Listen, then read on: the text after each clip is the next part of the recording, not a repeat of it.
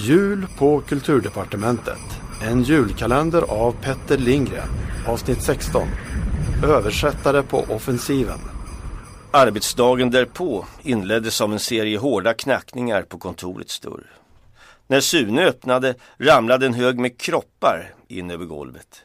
Vem kunde anat att det fanns så många översättare? Den sprattlande högen kom snart på fötter och fördelade sig sedan med en förfärande hastighet över hela kontoret.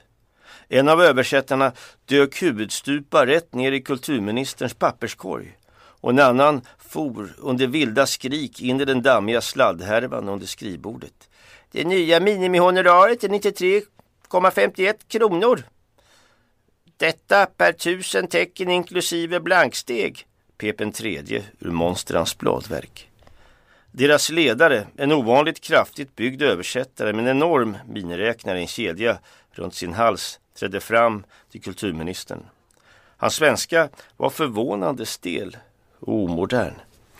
Så fram till icke-viljen låta edra datoriserade äfflingar förråda oss. Vilket är icke-viljen, det kan jag lova.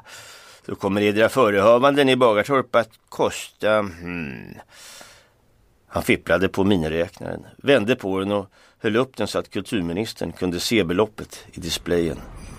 Hon bleknade.